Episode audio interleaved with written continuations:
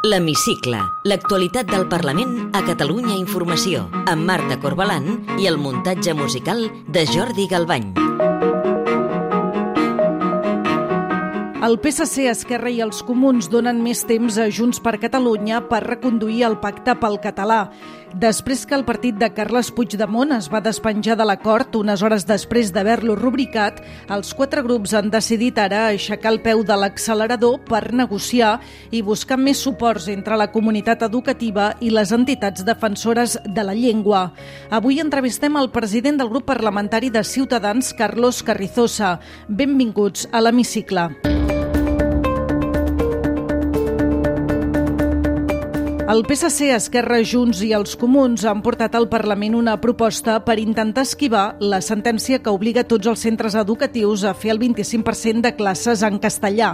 Plantegen una reforma de la llei de política lingüística on s'introdueix el castellà com a llengua d'aprenentatge a les aules, però no es fixen percentatges. Després que Junts per Catalunya va congelar l'acord davant la llau de crítiques, ara els impulsors de la iniciativa es donen un mes de temps i no portaran a votació la la proposició de llei fins al ple del Parlament de finals d'abril.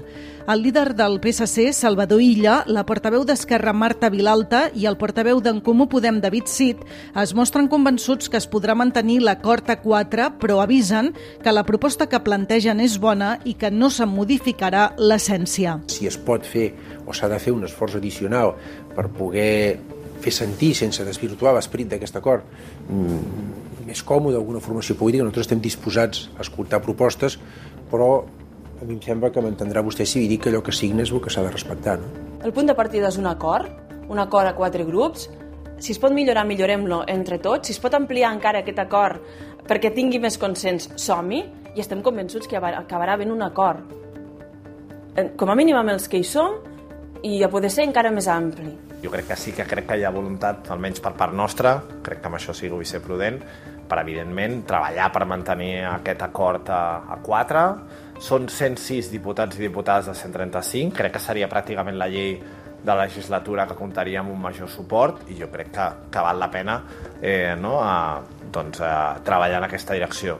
Junts per Catalunya manté silenci i un perfil baix aquests dies. Una de les poques veus que hem sentit aquesta setmana és la de la consellera de Justícia, Lourdes Ciuró. Hem de treballar per lleis de consens. Hem de buscar tots els marcs possibles perquè, sobretot en les grans qüestions de país, com és el tema de la llengua, hi hagin aquests consensos. I això vol dir moltes reunions, perquè tots tenim punts de vista molt legítims, molt necessaris, que en definitiva tots tendeixen a enriquir els debats. La CUP, que no s'ha sumat a aquest acord, ha elevat el to de les crítiques. Sentim el diputat Xavier Pellicer. Aquesta proposició es fa sense cap tipus de criteri pedagògic. Es fa d'esquenes a la comunitat educativa, es fa entre despatxos i fent equilibris polítics i no dona resposta a les necessitats del país. Mentrestant, Ciutadans ha tornat a recórrer la via penal per fer complir la sentència del castellà. El partit de Carlos Carrizosa ha presentat una denúncia davant la Fiscalia contra el conseller d'Educació, Josep González Cambrai, i quatre càrrecs més del departament per un suposat delicte continuat de prevaricació. El portaveu de Ciutadans, Nacho Martín Blanco, i la diputada del Partit Popular, Lorena Roldán, han assenyalat els socialistes com a responsables també de l'incompliment de la sentència continuarem de, denunciant també la eh, condescendència, quan no la complicitat del Partit dels Socialistes de Catalunya en tot el que té a veure amb, aquest, amb aquesta ofensiva contra el castellà. Nosaltres el que fem és instar el president del govern d'Espanya, el senyor Sánchez. És ell qui ha de protegir els drets dels alumnes catalans. És ell qui ha de eh, garantir que aquí a Catalunya es compleixin les sentències. El líder de Vox, Ignacio Garriga, amenaça de presentar una querella per desobediència contra el conseller d'Educació. En caso de que persista el incumplimiento de la sentencia, valoraremos la oportunidad, que ya les avanzo que será así, de interponer una querella por desobediencia. Té la paraula. Soc el Carlos Carrizosa, president del grup parlamentari de Ciutadans. El seu partit ha presentat aquesta setmana una denúncia davant la Fiscalia contra el conseller d'Educació i quatre càrrecs més del departament per un presumpte delicte continuat de prevaricació. Ciutadans qualifica d'intolerable que el govern no apliqui la sentència del 25% del castellà a les escoles. Tenen previst demanar també l'execució forçosa de la sentència? Nosaltres no podem demanar l'execució forçosa d'aquesta sentència perquè per això no tenim legitimació activa i això ho hauran de fer les associacions que tenen com a objecte l'ensenyament, l'educació a Catalunya i que sí que tenen un interès concret que el tribunal admet per, per tenir-les per personades. Vox, però, per exemple, ja ha anunciat que sí que ho ha fet, ha anat a demanar l'execució forçosa d'aquesta sentència. Sí, doncs jo crec que els hi diran que no, que no tenen legitimació activa per fer-ho. Eh? Nosaltres ja ho hem intentat al llarg dels anys i sempre ens ha estat rebutjada aquesta legitimació activa per a aquests eh, tipus d'assumptes. En canvi, qui segur que sí que ho pot fer és el govern espanyol, però no té eh, previst demanar l'execució d'aquesta sentència, tot i que sí que és part legitimada per fer-ho. A què atribueixen aquesta inacció del govern de Pedro Sánchez? claríssimament els pactes polítics entre el govern de Pedro Sánchez i eh, Esquerra Republicana i els grups que li donen suport al, al Congrés dels Diputats perquè eh, el, propi, el govern d'Espanya es va personar i va ser part en aquest procediment, tenen l'advocat de l'Estat i eh, de forma sorprenent, l'advocacia de l'Estat ha renunciat a, a instar aquesta execució. A l'advocacia sorprenent relativament perquè és, és obeeix instruccions del govern d'Espanya. Per nosaltres això és una mica escandalós, perquè si el govern eh, entenia eh, que s'estaven vulnerant els drets i a més a més va guanyar el plet, ara és raríssim que havent guanyat aquest plet no demani l'execució. Per tant, des del seu partit instarien el president Pedro Sánchez que canviés de posició?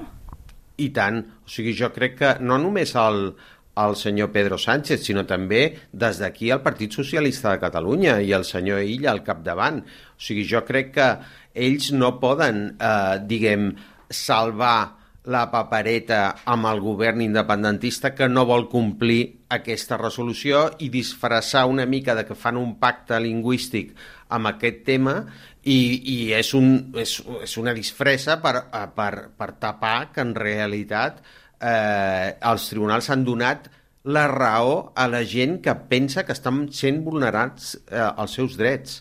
I aquí a Catalunya no pot pa seguir passant això de que una família demani eh, que es compleixin els seus drets, en, entre els quals està el rebre una educació també en castellà, sense perjudici de la que rebem o reben tots els nens en català, també en castellà amb un percentatge mínim.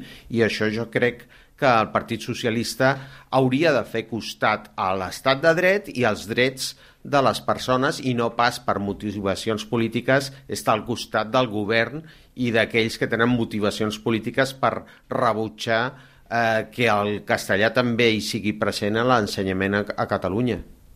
Es plantegen ampliar la denúncia contra el conseller d'Educació també per desobediència? En el moment en què sigui instada per les associacions eh, l'execució d'aquesta sentència i el govern no faci allò que ha de fer per eh, implementar aquesta sentència a tot el sistema educatiu a Catalunya, en aquell moment nosaltres ja eh, anirem un altre cop als tribunals i, a, i aquest cop per desobediència de la sentència. La sentència és claríssima, eh, qualsevol modificació legal no pot afectar el mandat constitucional que està aplicant el Tribunal Superior de Justícia, per tant, aquí la legislació que fem mai no podrà estar per sobre d'allò que diuen els tribunals de justícia aplicant la Constitució i, per tant, com que no hi ha cap possible modificació legal aquí a Catalunya per no donar les classes també en castellà, si no es fa, nosaltres anirem a reclamar, anirem a denunciar per desobediència a, als responsables de, del Departament d'Ensenyament, sí. Creu que és bo que la llengua sigui objecte de picabaralla política i que acabin sent els jutges qui determinin com s'ha d'aplicar a les escoles? Jo crec que no, que, eh, que no haurien d'haver eh,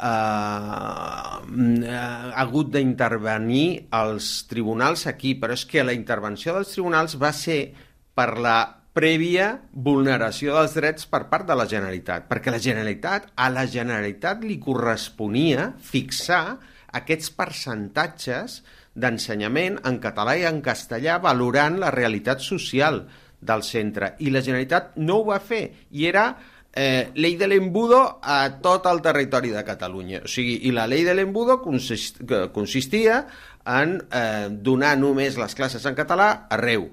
I clar, això era un incompliment. I davant del reiterat incompliment i dels requeriments dels tribunals perquè establís un percentatge a cosa a la qual es va negar la Generalitat, llavors van entrar els tribunals a fixar aquell percentatge que hauria d'haver fixat la Generalitat i que no vol, i que inclús en aquestes modificacions legals que estan fent amb aquests pactes que, està, que, que es proposen de fer, tampoc no estan fixant el percentatge, perquè el que no volen és fixar-ho, perquè el que no volen és eh, tenir el castellà com a llengua, llengua vehicular també, junt, a, junt amb el català, en a, a les escoles.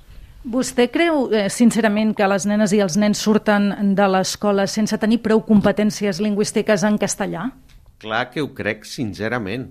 Jo crec que els joves a la nostra terra, eh, si no estudien eh, termes eh, geogràfics en castellà, mai no sabran descriure els eh, termes especialitzats, els registres cultes, no només a geografia o a història o a física, a matemàtiques, a les diverses disciplines. O sigui, pretendre que el castellà ja se n'aprèn al carrer i al cinema em sembla a un, vaja, un, em sembla una bajanada i em sembla un abús i em sembla, sincerament, em sembla al·lucinant, perquè en aquest cas, escolti'm, allà on parlen només català no fa falta que facin el català, no? Perquè si ja només parlen el català ja ho aprenen. No, volem que aprenguin català en un registre culte i acadèmic, doncs el mateix en castellà. Si li sembla bé, ens endinsem ara ja en el terreny més personal i li demano si pot contestar amb respostes tan breu com sigui possible.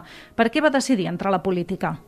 Perquè em sentia orfe d'un partit polític que no comprés els postulats del, del, del nacionalisme aquí a Catalunya i que a més a més tingués una posició moderada i pragmàtica i no fos ni d'esquerres ni de dretes. Quina llei li agradaria que aprovés el Parlament aquesta legislatura?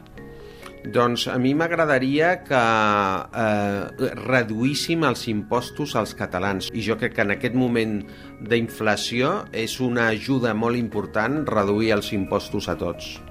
És cert que vostè és un gran aficionat a la paleontologia? Sí, sí que és cert. No sé si és un, soc un gran aficionat, però sí que sóc aficionat i m'agrada molt, sí. I també li agraden els còmics? També m'agraden els còmics, el que passa és que de còmics fa més temps que no m'hi puc dedicar. Amb quin diputat o diputada que no sigui del seu grup compartiria una sobretaula distesa? Sobretaula distesa amb moltíssims, de qualsevol partit. Quin és el seu paisatge, si en té algun favorit? Crec que a Catalunya tenim la gran sort de tenir paisatges de muntanyes de muntanya preciosos al, al Pirineu i també uns paisatges marítims meravell meravellosos i a mi m'agraden tots dos.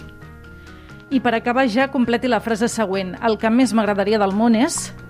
Estar amb els meus fills més temps.